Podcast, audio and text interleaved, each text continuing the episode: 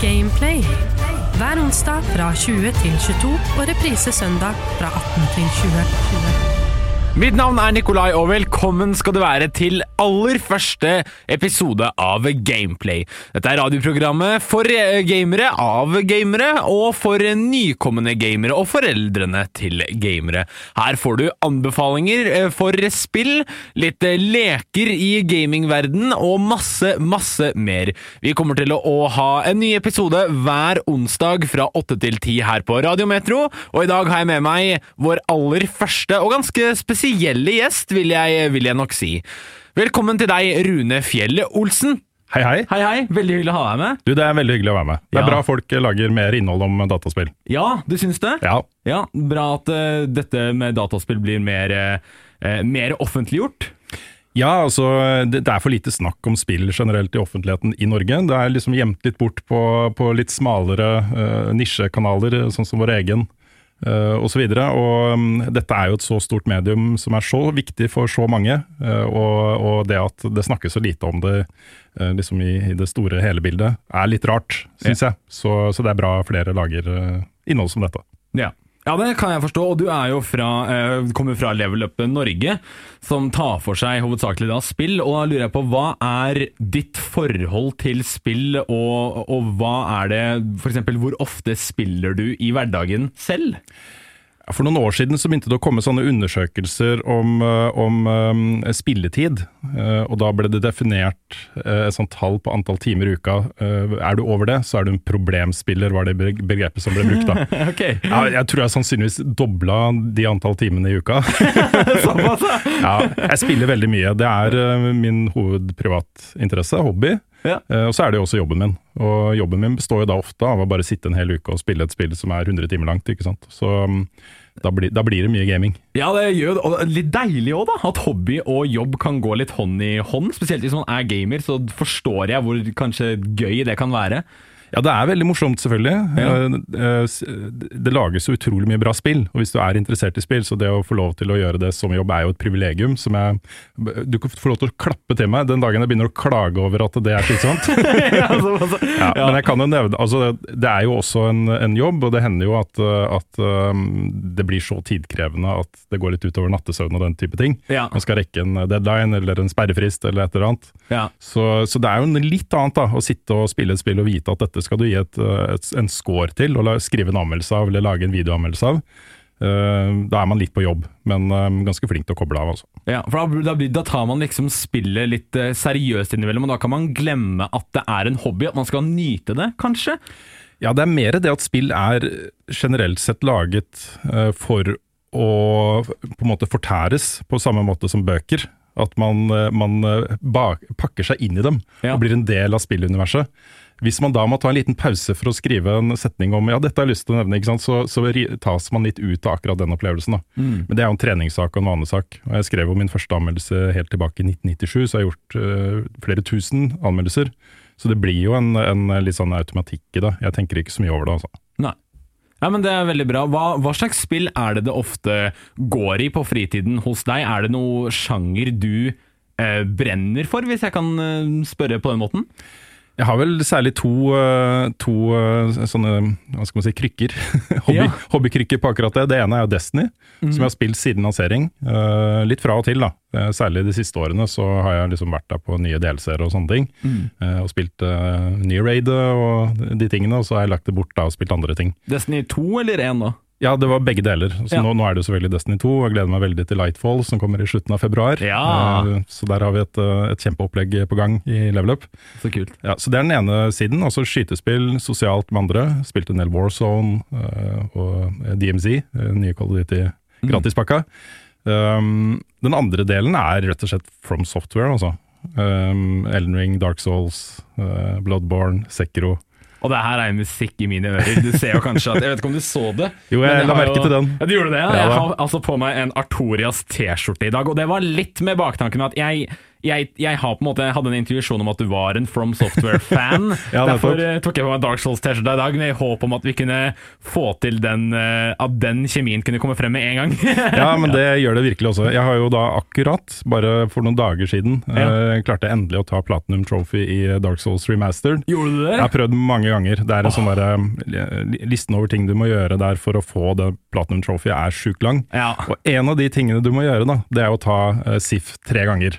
Altså Som T-skjorta di kommer fra. Ja. Så du må ta den både i vanlig New Game, New Game Plus og New Game Plus 1. Oh. Uh, og så kan du gå og hente Platinum Trophy ditt. Hvordan, eh, hvor lang tid brukte du på det? For det er altså en, en, et platinum-run. For, det- for de som ikke har spilt Dark Souls, så er det ikke bare krevende, det er tidskrevende også å komme seg inn Dark Souls hva da, tre-fire ganger. Ja, første, første gjennomspillingen, også før jeg gikk over til New Game Plus, er det bare den desidert mest tidkrevende. For Ja. det er der du gjerne må huske på å kjøpe alle de spillsa du må kjøpe fra den eh, NPC-en før de forsvinner. Ja. Uh, og alt dette er grind ut uh, souls for å gå opp i level og kjøpe inn ting osv. Så, videre. så den tok nok ganske lang tid. Men det er jo et sånt prosjekt jeg bare har hatt sånn ved siden av, da. Ja. På kveldstid og over en, en god del uker. Tatt et par timer her og et par timer der, og plutselig så sitter man der, og så er man i, i mål, Også. Så deilig prosjekt da. Det er, eh, jeg, jeg mener helt oppriktig at det er ingenting som nesten kan måles med første gang du spiller Dark Souls 1, hovedsakelig det spillet. Nei, min inngang til eh, From Software-universet var jo Bloodborne. Det var det, ja? Jeg trodde ikke dette var spill for meg, jeg trodde det var for vanskelig. Jeg tenkte akkurat det samme som mange andre tenkte, i hvert fall før Elden Ring. Ja. Elden Ring har jo endret oppfatningen til mange, da. Ja. Um, men da jeg først tok liksom de første par bossene i Bloodborne, så var jeg fullstendig hooked. Ja, du blir kjøpt inn veldig fort med From Software-spill, egentlig. Ja, Du må, trenger bare kjenne på den der tilfredsstillelsen eh, av å ha tatt en av disse utrolig vanskelige bossene én gang, Ja. Og så er, så er du der, altså. Det er nesten litt sånn junkie-tilstand. Gameplay på Radio Metro. Onsdag kveld fra 8 til 10. Dark Souls 1 var mitt første From Software-spill. Jeg var ikke innstilt med å spille det, syntes det så altfor mørkt, uh, grått og vanskelig ut. Og det var liksom Jeg kunne ikke helt se uh, det som tiltrekker mange, da. Eh, helt til jeg da plukket opp kontrolleren, bestemte meg for å spille det selv, og da tar første bossen, altså øh, Asylum Demon, eller i Bloodborne hvor det er Cleric Beast. Og de, de bossene fungerer jo også kjempebra som en hook for nettopp de som føler kanskje at er det her noe for meg eller ikke. Veldig sånn eh, god port inn til spillet. Ja da, ikke bare får du eh, etter å da liksom um, kjempa deg gjennom bare vanlige mobs, altså små fiender. Ja. Eh, Så det er kanskje det tøffeste disse spillene, bare når det kommer litt for mange av de på en gang og sånne ting. Ja, ja. Du har brukt masse tid, dødd masse, så kommer du til en boss, dødd en del på den bossen, og så tar du bossen. Og så får du sjukt mye souls, så du får kanskje et, et bossvåpen og noe armor-greier og loot. da. Og så Du får en ordentlig sånn belønning som hjelper deilig. deg videre i spillet, og du kan gå opp fem levels. Ja, å, det er så deilig å cashe inn de soulsene når du har liksom 100 000. Du kan bare Nå leveler jeg opp fem strength. Ja, ja, ja. Og det er utelukkende fordi du har øh, vært flink. Ja, det er nettopp det. Du har skjønt eh, mekanikken eller, eller gangen i den, eh, i den bosskampen, og du har lært deg Altså, du har på en måte lært deg det, og så utviklet spillferdighetene dine til å ta den, og det er Jeg, jeg, jeg oppriktig føler at det er noe spillindustrien kan ha godt av å lære av, denne veldig tydelige læringsbølgen da, som From Software-spill bringer til spillerne. Ja, og, og Dark Souls er nok et av de mest innflytelsesrike spillene øh, fra nyere tid. Uh, du, du kjenner igjen på en måte litt DNA-et til Dark Souls i mange andre spill. Fra Star Wars, uh, Jedi, Fallen Order til, til masse andre greier. da. Ja. Som, som låner litt av, av spillmekanikker og, og hva skal man si, designfilosofi fra Dark Souls. Eh, men det som eh, Elden Ring eh, har gjort med den formelen, er jo å, å på en måte gjøre det tilgjengelig for mange flere. Det er det mest åpne From Software-spillet til nå, samtidig som det er samme type vanskelighetsgrad og tilnærming til spilldesign som Dark Souls har. Eh, bare mye mer åpent, og også eh, hva skal man si, enklere. Du kan levele opp mye mer før første boss og sånne ting. Det er ingen sånne hinder i veien for deg. Eh, og det som From Software da tilfører spillverdenen, er jo eh, en filosofi hvor, hvor eh, de stoler mer på spilleren. Du får ikke en haug med ikoner på kartet, det er ikke noen eh, gule eh, quest markers som eh, peker deg i riktig retning. Det er ikke noe sånn først gjør du det, og så gjør du det, og så gjør du det, og der er den personen du skal snakke med, og sånne ting. Du må finne alt dette selv. Ja. Og hvis du først blir involvert i sånn type univers, så gir det en mye større grad av tilfredsstillelse og um, en følelse av at dette er et univers du eier. Det er du som, det er din, også player agency er et sånn veldig bra engelsk uttrykk. ja. Det er din involvering i denne verden her som, som får det til å virkelig skinne. da. Veldig godt eh, fortalt, fordi det er, det er nettopp akkurat det sporet der med mange spill nå til dags, eller også før i, eh, i, i eh, for noen år siden også, er veldig gode på å uten, ikke intensjonelt, men de er gode på å kanskje holde deg i hånda litt mer enn du trenger av og til. Og Dark Souls er veldig flinke på den derre på den eh, Du skal lære deg disiplinen og litt den eh, Nå skal du opp klokka åtte om morgenen, du skal ta denne bossen, du skal gjøre dette nå. Eh, men som du sier også, Dark Souls og Bloodborne er jo veldig lineært, men i, i forhold til Elden Ring så blir det en veldig Det er en veldig kontrast på hvor i, i både åpenhet og hvor mange muligheter du blir gitt fra starten av. Ja.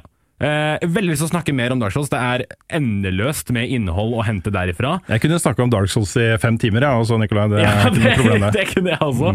Men eh, vi, må, vi må videre til eh, aller første spalten for i dag, nemlig Playback. Gameplay på Radio Metro. Onsdag kveld fra 20 til 22. Da er vi inne i eh, Gameplays aller første spalte for eh, i dag, nemlig Playback, hvor eh, jeg skal spørre deg, Rune, som er dagens gjest, hva er det aller første spillet du spilte? Det er jo litt morsomt å være eh, spilljournalist på heltid, og kunne si da at mitt aller første spill var Pong. var det det? ja da, det var det. Og det, det, dette er jo et spill som, som eh, Jeg vil si kanskje er det første Det var ikke det første spillet på hjemmemarkedet, men det var det første spillet som ble et sånn masseprodukt som alle hadde, og som alle spilte, og som, som var en naturlig del av hjemmene til folk. Ja. Og det ble jo solgt på sånne egne konsoller fra Atari, eh, med egne kontrollere, og det eneste du kunne spille på den maskinen var Pong. Så du kobla den til de gamle TV-ene, og så spilte du Pong da, eh, i, enten alene mot, eh, mot computeren, eller, eller mot andre, selvfølgelig. Ja, og det var jo kjempeenkelt, for det var jo altså denne, denne ballen som hoppet fra vegg til vegg. Altså en bordtennis digitalt, da. Ja da, hvis du vil se eh, hvor langt spillmediet har kommet, så kan du bare se et eh, skjermbilde eller en video fra Pong, og så kan du sammenligne det med, med God of War eller eh, Elden Ring eller et eller annet. Så det har skjedd ting siden den gang. Det er en annen tid. Ja. Det har vært en annen tid. Men jeg vil nok si at, at spillinteressen min etter det og i barne- og ungdomsårene var nok litt mer sånn perifer. Jeg var veldig glad i sport og særlig lese bøker. da. Det var min hovedhobby ved siden av alle de andre aktivitetene jeg gjorde. Ja. Så den andre store oppvåkninga jeg hadde, var nok, øh, øh, var nok maratonspillene til Bungie. På, på sånn tidlig midten av øh, 90-tallet. Hvor, øh, hvor jeg oppdaga for alvor da, hvor langt spillmediet hadde kommet. Ja. Her kunne man få en science fiction-opplevelse, og science fiction er kanskje min favoritt generelle sjanger. Det er det, ja. Ja da, som, som var på en måte engasjerende på samme måter som bøker. Og så man kunne leve seg inn i fiktive universer uh, og være, bli en del av de. øh, på en måte jeg ikke hadde opplevd før. Kanskje litt med Space Quest-spillene, de også var, øh, var veldig bra. ja. Men det var egentlig da jeg spilte Marathon 2, uh, sånn ca. 94. øh, 95, hvor, hvor jeg skjønte at vet du hva, dette er, dette er noe jeg kunne tenke meg å holde på med så mye som mulig. Dette, dette kan bli en hobby. ja, det kan bli en hobby. Ja. Og så kommer jo PlayStation øh, inn på banen med en litt mer sånn moden, voksen tilnærming til spill med Det Det var øh, en åpenbarelse å, å, å spille type Metal Gear Solid og Tomb Raider og den type spill. eh, Resident Evil. eh, Silent Hill. eh, Alle disse spillene som, som jeg følte snakket til meg som da var i starten av 20-åra på en litt annen måte enn Mario. Og jeg er veldig glad i Mario og Zelda og alle disse også, selvfølgelig. Mm. Uh, Men, uh, men det utvida spillmediet på veldig spennende måter. Så, så da jeg begynte i VG97, så var det veldig nærliggende for meg å på en måte mase litt, da. Ja. Og få lov til å gjøre dette eh, der. Ukas playback. Altså, du har dekket mange av både sjangrene, men også plattformene av spill fra da midten av 90-tallet og ut til, til nå. Du har på en måte fått med deg det meste du kan fra de forskjellige arenaene, eller? Ja, det er nok riktig. Ja. Det er, det er vel den eneste av de eh, plattformene i den æraen som jeg ikke har dekket, er, er eh, Sega Dreamcast, som jo var Segas siste spillkonsoll. Ja. De ble jo utkonkurrert av Nintendo og Sony, Sant det. eh, fullstendig. Um, så, så den ble jo lansert rundt da jeg begynte å dekke spill, men eh, var, jeg, jeg tror ikke den kom til Norge i starten engang. Nei. Den var svinedyr. Den konsollen var kjempedyr, så den var nesten dobbelt så dyr som konkurrentene. Hvor dyr husker du det? da? Sånn i tall Nei, jeg lurer på den lå på sånn 9000 kroner eller noe sånt til utsalg på den tiden, og så kan du gange det med inflasjon og sånne ting. Det var ganske dyrt, altså. Og vi klager på PlayStation 5 nå? Ja, ja, ja. Men det, det, jeg må faktasjekke meg på det også, for jeg husker ikke nøyaktig tall. Men jeg husker det var eh, dyrt. Ja. Jeg må også huske at spillene på den tiden, altså særlig til eh, Nintendo 64 og sånt, de kosta gjerne 800 kroner da, ja. altså på slutten av 90-tallet. Eh, Og det tilsvarer jo en ganske mye høyere pris enn det eh, du ser på spill i dag. Selv om noen av disse deluxe-utgavene begynner å ta det igjen. Ja, det er sant. ja. Man, får vel, man får vel de fleste spill til en 500-600 kroner, på en måte, nå. Ja da. Ja. Som er, det er nyutgivelser, da, som oftest. Og gamle spill kan man jo få til enda billigere pris på sider som Steam og sånne ting. De har jo veldig ofte store salg hvor du kan få med deg spill både for ingen kroner også. Ja, absolutt. Ja. Eh, hva slags spill var det som, du, som du vil si satte mest inntrykk på deg personlig gjennom spill, eh, eh, med spill som hobby? Um, ja, der, er det så, der er det så mange å ta av. Eh, Jeg nevnte jo allerede Maraton 2, som, eh, som jo var på en måte litt starten på min eh, livslange kjærlighet til uh, Bungie og deres science fiction-spill. De har også Halo og Destiny og Oni, som er en liten sånn skjult perle oh, ja, ok. eh, fra dem. Um, men um, jeg, jeg tror jeg må peke spesielt på et par spill. Det ene er Half-Life. Ja. Som, eh, som Her hadde du hatt noen år med liksom Doom og Quake og Duke Nukem og sånne ting, og så kom det en litt mer sånn sofistikert skytespillopplevelse Ja. med et uh, plott som kanskje ligna litt mer på sånn um, uh, thrillere fra, fra kinolerret og, og den type ting. Uh, også science fiction. Um, Ja, det, det høres veldig ut som et spill for deg, da. For Ja, det er jo en FPS-shooter fra 90-tallet med liksom disse elementene. Eller fra til 2000, er det kanskje? Nei, det, er 98. 98, ja. 97, ja, 98 kommer det. Eh, og jeg, jeg tror det er vanskelig i dag å forestille seg hvor revolusjonerende det spillet var i 98. Ja. Um, um, de gjorde elementer der med både fysikk og, og narrativ, eh, narrativet som, som ikke hadde blitt gjort i den sjangeren før i det hele tatt. Um, og, og var på en måte milevis foran andre på veldig mange måter.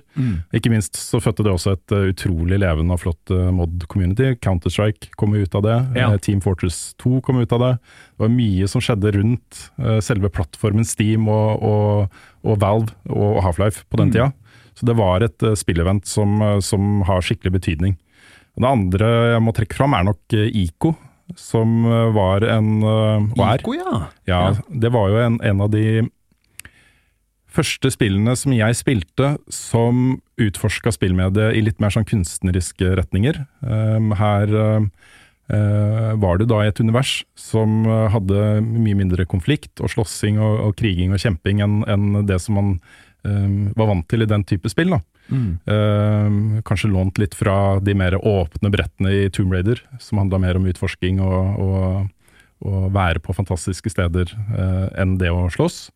Um, hvor uh, i ICO hadde du en, for eksempel en sentral spillmekanikk, var å holde da en, en eh, litt sånn forsvarsløs uh, jente i hånda, og Ja. le, lede henne gjennom disse vakre miljøene.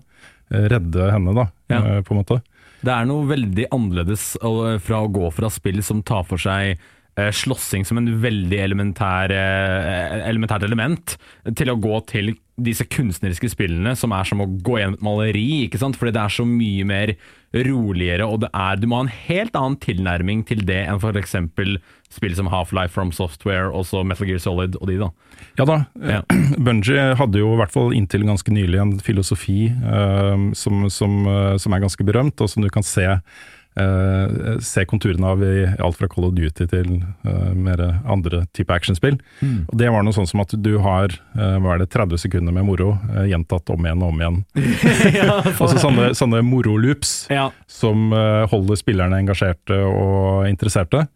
Eh, og det er jo særlig når man bryter den type konvensjoner og tenker at vet du hva, man trenger ikke å ha det gøy hele tiden. Eh, man kan eh, introdusere en del andre følelser, som melankoli eller, eller sorg eller, eller undring inn i miksen, og det kan være veldig sterkt.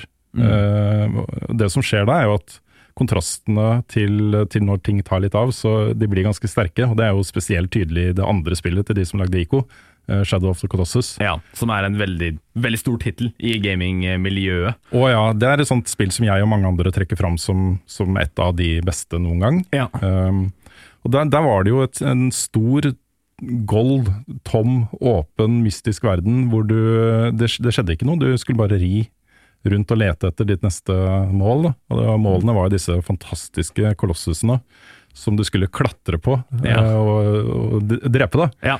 Uh, og da ble det jo så intenst at uh, man, man sitter jo liksom bare og tviholder på kontrolleren. ja, for de prøver å riste deg av De prøver å riste deg av, av seg så intenst som mulig, så du må liksom holde fast på de og ja, klatre opp de store kroppene. Ja, det er en uh, Jeg, jeg husker jeg spilte det også selv for noen år tilbake, og da Når det kom ut, var jo ikke jeg så gammel.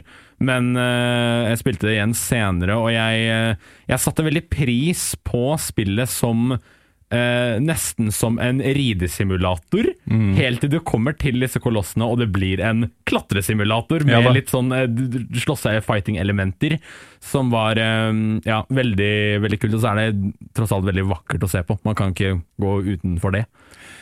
Utrolig vakkert, eh, og et godt eksempel på et element ved spill som jeg syns er veldig viktig. Eh, og det, det handler jo om å på en måte flytte inn i virtuelle verdener, som, som er eh, steder du, du setter pris på å være i. Mm. og når man ser utviklingen i dag, og, og på en måte det at flere og flere av oss mennesker mer eller mindre flytter inn i virtuelle verdener, eh, om det er World of Warcraft eller om det er eh, Call of Duty, Warzone og Final Fantasy 14. Final Fantasy 14, um, eh, Destiny 2. eh, Ja, Destiny 2. og så eh, Vår tilstedeværelse i virtuelle verdener blir viktigere og viktigere for folk, eh, og eh, kommer til å bli eh, viktigere og viktigere i årene framover.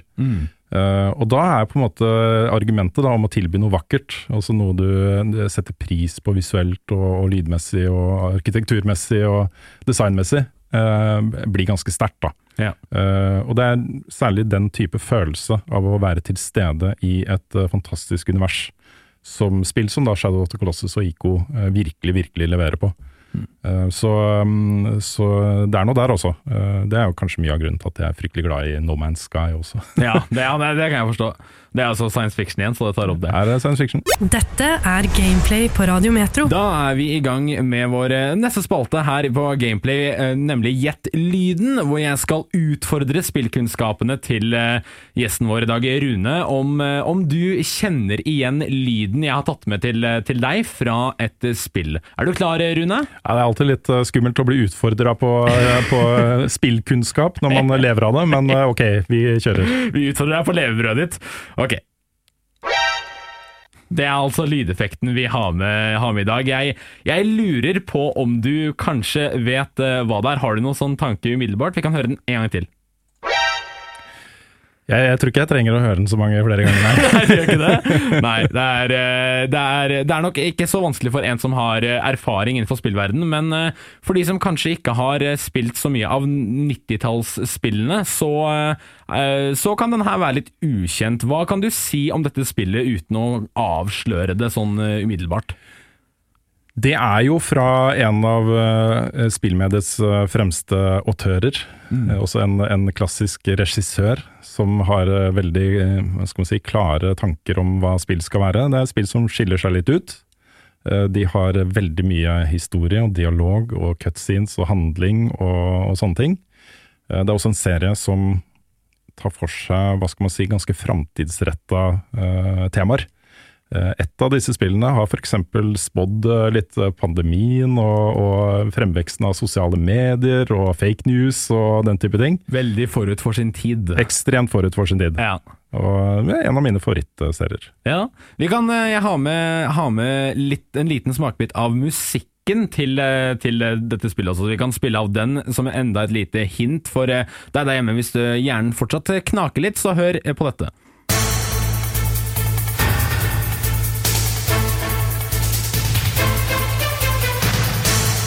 Det er en eh, Det er gjenkjennelige toner, det her. Det skyller eh, varme følelser eh, innover hele meg. Ja, det gjør det. ja. ja nei, Så nå tenker jeg at det er på, på høy tid ved å, å avsløre hva dette er. Vil du gjøre æren av å gjøre det? Hvilket spill er det vi hørte lyden fra? Dette er Metal Gear Solid Det er- fra PlayStation 1. Helt riktig. Fra 98. Stemmer. Ja. eh, Et av, et av de mest innflytelsesrike spillene, vil jeg tørre å påstå. Eh, ja, Både av historie, mekanikk og, eh, som du sa, forut for sin tid, da, ved å predikte nesten fremtidige mm, scenarioer. Ja, dette også var jo et, et eh, spillkonsept. Også det ble jo født uh, i, i et par spill som het bare Metal Gear, eh, som var det såkalte snikespill. Og det som var litt interessant med den type uh, spilltankegang, var jo nettopp det jeg snakka om i stad, om, om eh, fravær av eh, på en måte konflikt. Eh, Dette er spillopplevelser du kan mer eller mindre spille nesten helt gjennom, med unntak av noen bosser og sånne ting, uten å drepe noen. Ja. Eller du kan drepe alle. Ja. Eh, Det handler om å snike, det handler om å være stealthy. Det er litt opp til spilleren også. Ja, da, absolutt. Du, du har liksom denne hagla på, på eh, til, tilgjengelig. Vil du bruke den, eller vil du heller eh, bare snike deg rundt dem og prøve strategisk da å komme deg gjennom brettet? Ja, eller sånne sleeping darts, og du har en del sånne ting også. Ja. Det er jo særlig et av disse spillene, også Metal Gear Solid 3 har jo en boss som egentlig bare er en, en en litt sånn gimmick, hvor, eh, hvor du går da langs eh, en elv, eller i en elv, en liten elv, bekk er vel kanskje mer riktig. Ja. Eh, og det du får se da, er alle av NPC-er og, og AI-styrte fiender du har drept fram til da i spillet. De dukker opp da langs denne elven, så hvis du har vært stealthy og ikke drept noen, ikke sant, så går de bare langs denne elven i noen minutter. Oi, wow. Og så før de kommer fram. Eh, hvis du har drept alle, så står det bare en rad med, med folk. De ved siden av. konfronterer deg med dine vonde handlinger, rett og slett. Ja, på en måte. Eller Ja. eh, du, du får et litt mer bevisst forhold til, eh, til akkurat det. da. Ja. Eh, Men dette er jo en ganske sånn um, spesiell serie også. Det ligner jo ikke på så mye annet i, i spillmediet. Uh, og er nok litt avhengig av at du kjøper premisset til Hideo Kojima og, hans, eh, hans hode. da. Ja. Uh, Dette er veldig filmatiske spillopplevelser. Uh, Han er jo minst like glad i film som han er i spill. Mm. Um, nå blir det jo også film av, av Death Stranding, og etter hvert også Metal Gear Solid. Ja, den Metal Gear Solid-filmen har, eh, har jo vært eh, Jeg føler det har vært en fanidé veldig lenge. Ja, han er Eh, jo Oscar Isaac knytta til eh, rollen som Snake, da. Ja, da har det da blitt konstantert, liksom? Eller, ja? Ja, så er det Jordan Focht Roberts tror jeg, som skal, eh, så, skal ta regien. Ah, Så det er det, ja. Ok. Så, så det kan bli en eh, bra ting, det også. Mm. Uh, men uh, dette er bra spill også. Dette er uh, veldig mye humor, veldig mye alvor, veldig mye dybde og mange lag. Ja. Mye rart. Litt sånn anime møter eh, Hollywood eh, action. Ja, det er litt der. Jeg er jo altså jeg er født i 2001, så det er jo tre år etter det spillet har kommet ut. Men jeg eh, har jo en bror som har vært veldig på ballen med at dette skal jeg spille. Så det var for noen år tilbake så spilte jeg gjennom det aller første. Mm. Det er det jeg har spilt av det hittil, og så litt av det andre spillet. For det er, den serien her jeg vokst til å være hva da, syv spill nå, tror jeg? Åtte? Med de spin-offene også. Um, og jeg husker det som var sånn umiddelbart veldig Det som jeg plukket opp da fra det spillet, som var eh, veldig sånn Kojima har tenkt på alt, var da lasersensorene i liksom bygget som du skal snike deg rundt. De er innimellom usynlige, og for å se de kan du bruke sånn nattkikkert for å se de gjennom der. Eller du kan ta opp en sigarett, og så ser du dem i røyken på sigaretten. Altså dette er 98. Det er 98, altså. Man kan ikke se ansiktet til Snake, hovedpersonen, engang, fordi at Pixdene fortsatt har en jobb å gjøre.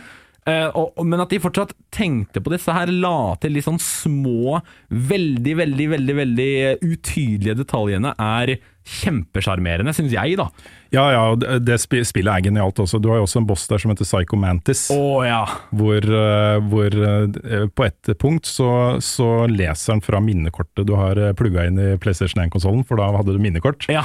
Og, og hadde dialog da, basert på hva han fant der. Den er så genial. Den, og det, hvis du har spilt eh, Castlevania f.eks., så nevner den at du har en veldig lineær sans for Eller du har en, en, en veldig sånn lineær sans for, for eh, gaming, og at du liker ofte å dra til et sted, men også komme tilbake senere. Og du liker å besøke de gamle rommene du har vært i. Altså, Ja, ja, ja. Han drar frem det du som spiller har spilt, og så eh, må du blant annet bytte kontrollerinngang, fordi at han bruker telekinesis til å tukle med din maskin. Og, og altså, for en ungdom på i 98, se for deg sitter i sofaen, drikker Tab Extra og spiller Metal Gear Solid. Det må jo være den kuleste opplevelsen noensinne. Ja, det er utrolig kult. Ja.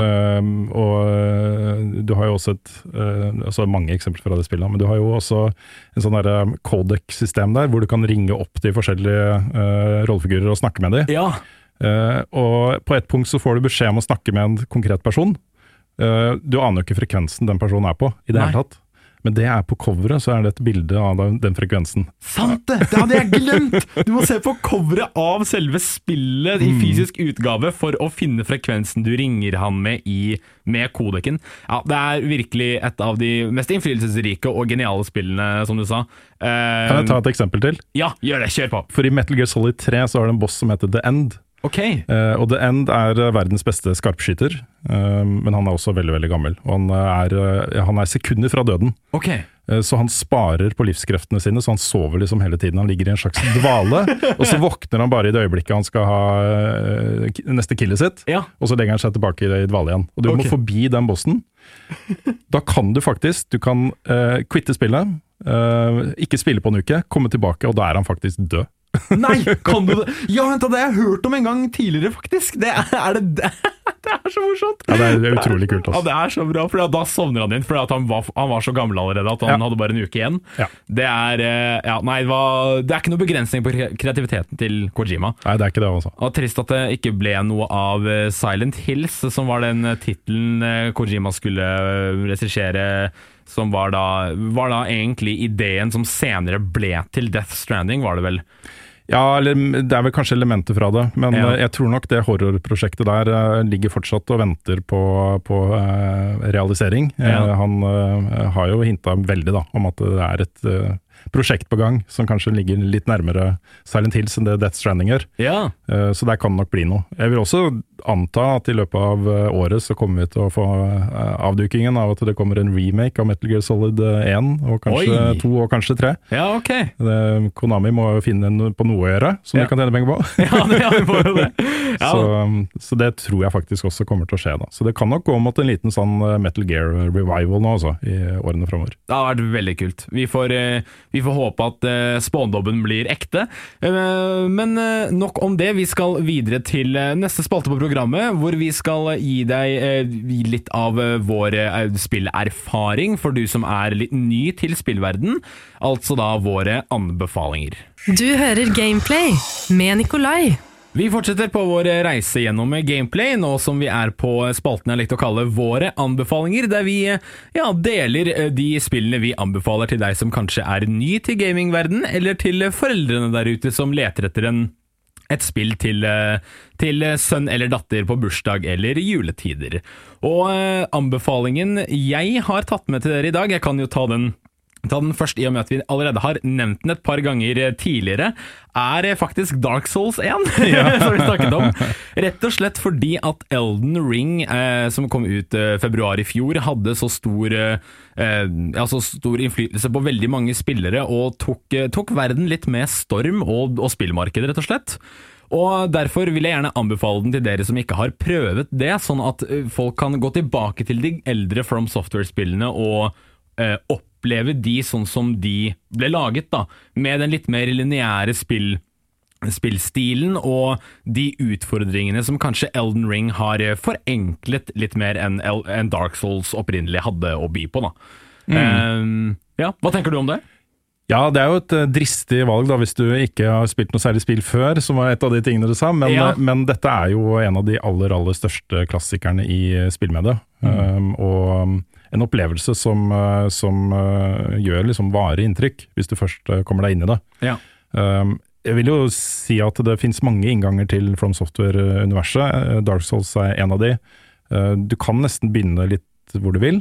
Jeg ville kanskje vente litt med Demon Souls til PS3. Ja, ja fordi det Ta er den til slutt. Ja, den, ja det, var, det var faktisk akkurat det jeg gjorde. Jeg tok Demon's Souls til slutt. Ja, det gjorde jeg var, ja, for den er Der er det hakket mer, mer å kanskje skru tålmodigheten sin til. Ja. Fordi at eh, det er nok ikke like eh, polished som det Dark Souls er. er en prototype på det Dark Souls endte opp med å bli, Ja. på en måte, med mye uferdige mekanikker og sånt. Eh, Men også eh, Bloodborne er jo et frittstående univers. Det det. Dark Souls 3 kan spilles uten å ha spilt de andre Dark Souls-spillene. Det kan det også. Sekiro er et utrolig flott sånn samurai-eventyr. Mm. Så, så det fins andre innganger der.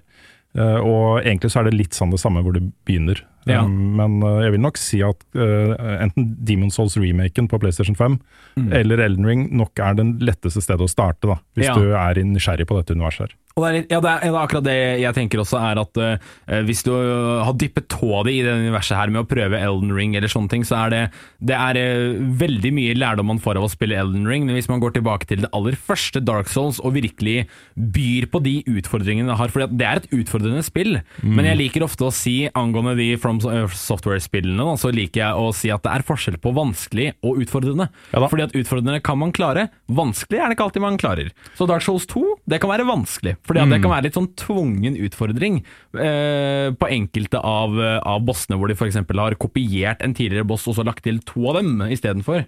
Eh, men Dark Souls 1 er Jeg vil si at nesten alle bossene har originale konsepter som gjør eh, spillet veldig det, Altså, det byr alltid på noe nytt rundt hvert hjørne, så det er ganske eh, lærerikt i for, forhold til eh, u, altså exploration-elementet til spillet også.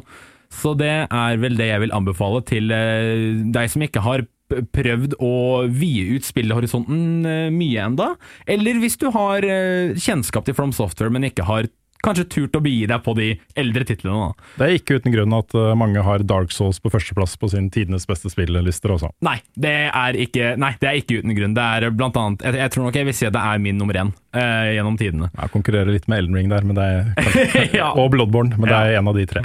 Ja, så eh, hvis, du, hvis du har et spill du har lyst til å prøve deg på, gjerne eh, sjekk ut Dark Souls 1, det originale, for å eh, ja, gi eh, Elden Ring en liten konkurrent. Hva med, hva med deg, Rune? Hva slags spill kan du anbefale til eh, en nykommende gamer? Jeg har med meg to anbefalinger. To anbefalinger? Og det ene er, er fjorårets nest beste spill. Okay. Et spill som heter Immortality. Eh, Som er lagd av en, eh, en eh, spillskaper som heter Sam Barlow. ja. Og det er et veldig annerledes type spill. Det er en, kanskje nærmere interaktiv film enn spill. Og premisset er at du eh, har tre filmer som aldri har blitt utgitt. De to første kom på slutten av 60-tallet, begynnelsen av 70-tallet. Den siste kom på 90-tallet, eller tidlig 2000, husker ikke helt. Um, og de har aldri blitt utgitt. Uh, hovedrolleinnehaverne i disse tre filmene, Marissa Marcel, har forsvunnet. Ok. Så det er et stort mysterium her, eh, og du sitter da med klipp fra disse filmene.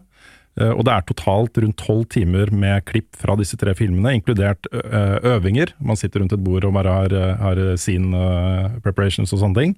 Det er eh, intervjuer, det er med på talkshows, det er eh, behind the scenes-greier. Eh, Du får eh, opptak fra før de sier eh, action, og etter at de sier cut. Ja. Så det er mye, da, og du kan spole fram og tilbake disse klippene. Eh, og det er tre veldig forskjellige filmer, eh, med hvert sitt plott. Eh, og noen av de har også liksom samme skuespillere, så det er en del rollefigurer som går igjen. Da. Eh, dette er korte klipp. Det, det som er tingen med spillet, er at det har en, en dimensjon til. Okay. Som du oppdager bare litt sånn tilfeldig på et eller annet punkt på et av de klippene du ser på og spoler i og, og går gjennom, så vil du oppdage at her er det noe mer. Jeg har ikke lyst til å si noe mer enn det, men, men på en måte den overgangen da, Ja. eh, er eh, kruttsterk også. Ok, ja, det, er en, det er en god hook til de som ikke har spilt Immortality ennå. Ja, og ikke, også de tre filmene også. Du får jo etter hvert et ganske klart bilde av hva de filmene er, og med plotten og, og temaene de tar opp og sånt. Og det er på en måte en del lag der også som er interessant. Eh, men, eh, men eh, det er den overgangen også. Det å grave seg gjennom hva er det som egentlig foregår her. Det er et mysterium og en thriller som jeg får gåsehud bare av å snakke om det. Det er utrolig bra. Og I tillegg så er dette også et spill som kan spilles av hvem som helst. Hvis du klarer å holde i en håndkontroller, du bør spille det egentlig med headset og håndkontroller, det er et klart tips, ja. eh, og bruke stikka, eh, så gjør du det til å spole fram og tilbake, og så trykker du på X for å stoppe, og så kan du velge da punkter i bildet som du har lyst til å vite mer om. Ja. Et ansikt eller en gjenstand, og så vil den da ta deg til et annet klipp som er relatert til det. Eh, med samme skuespiller eller en, et annet scene med en kniv, f.eks.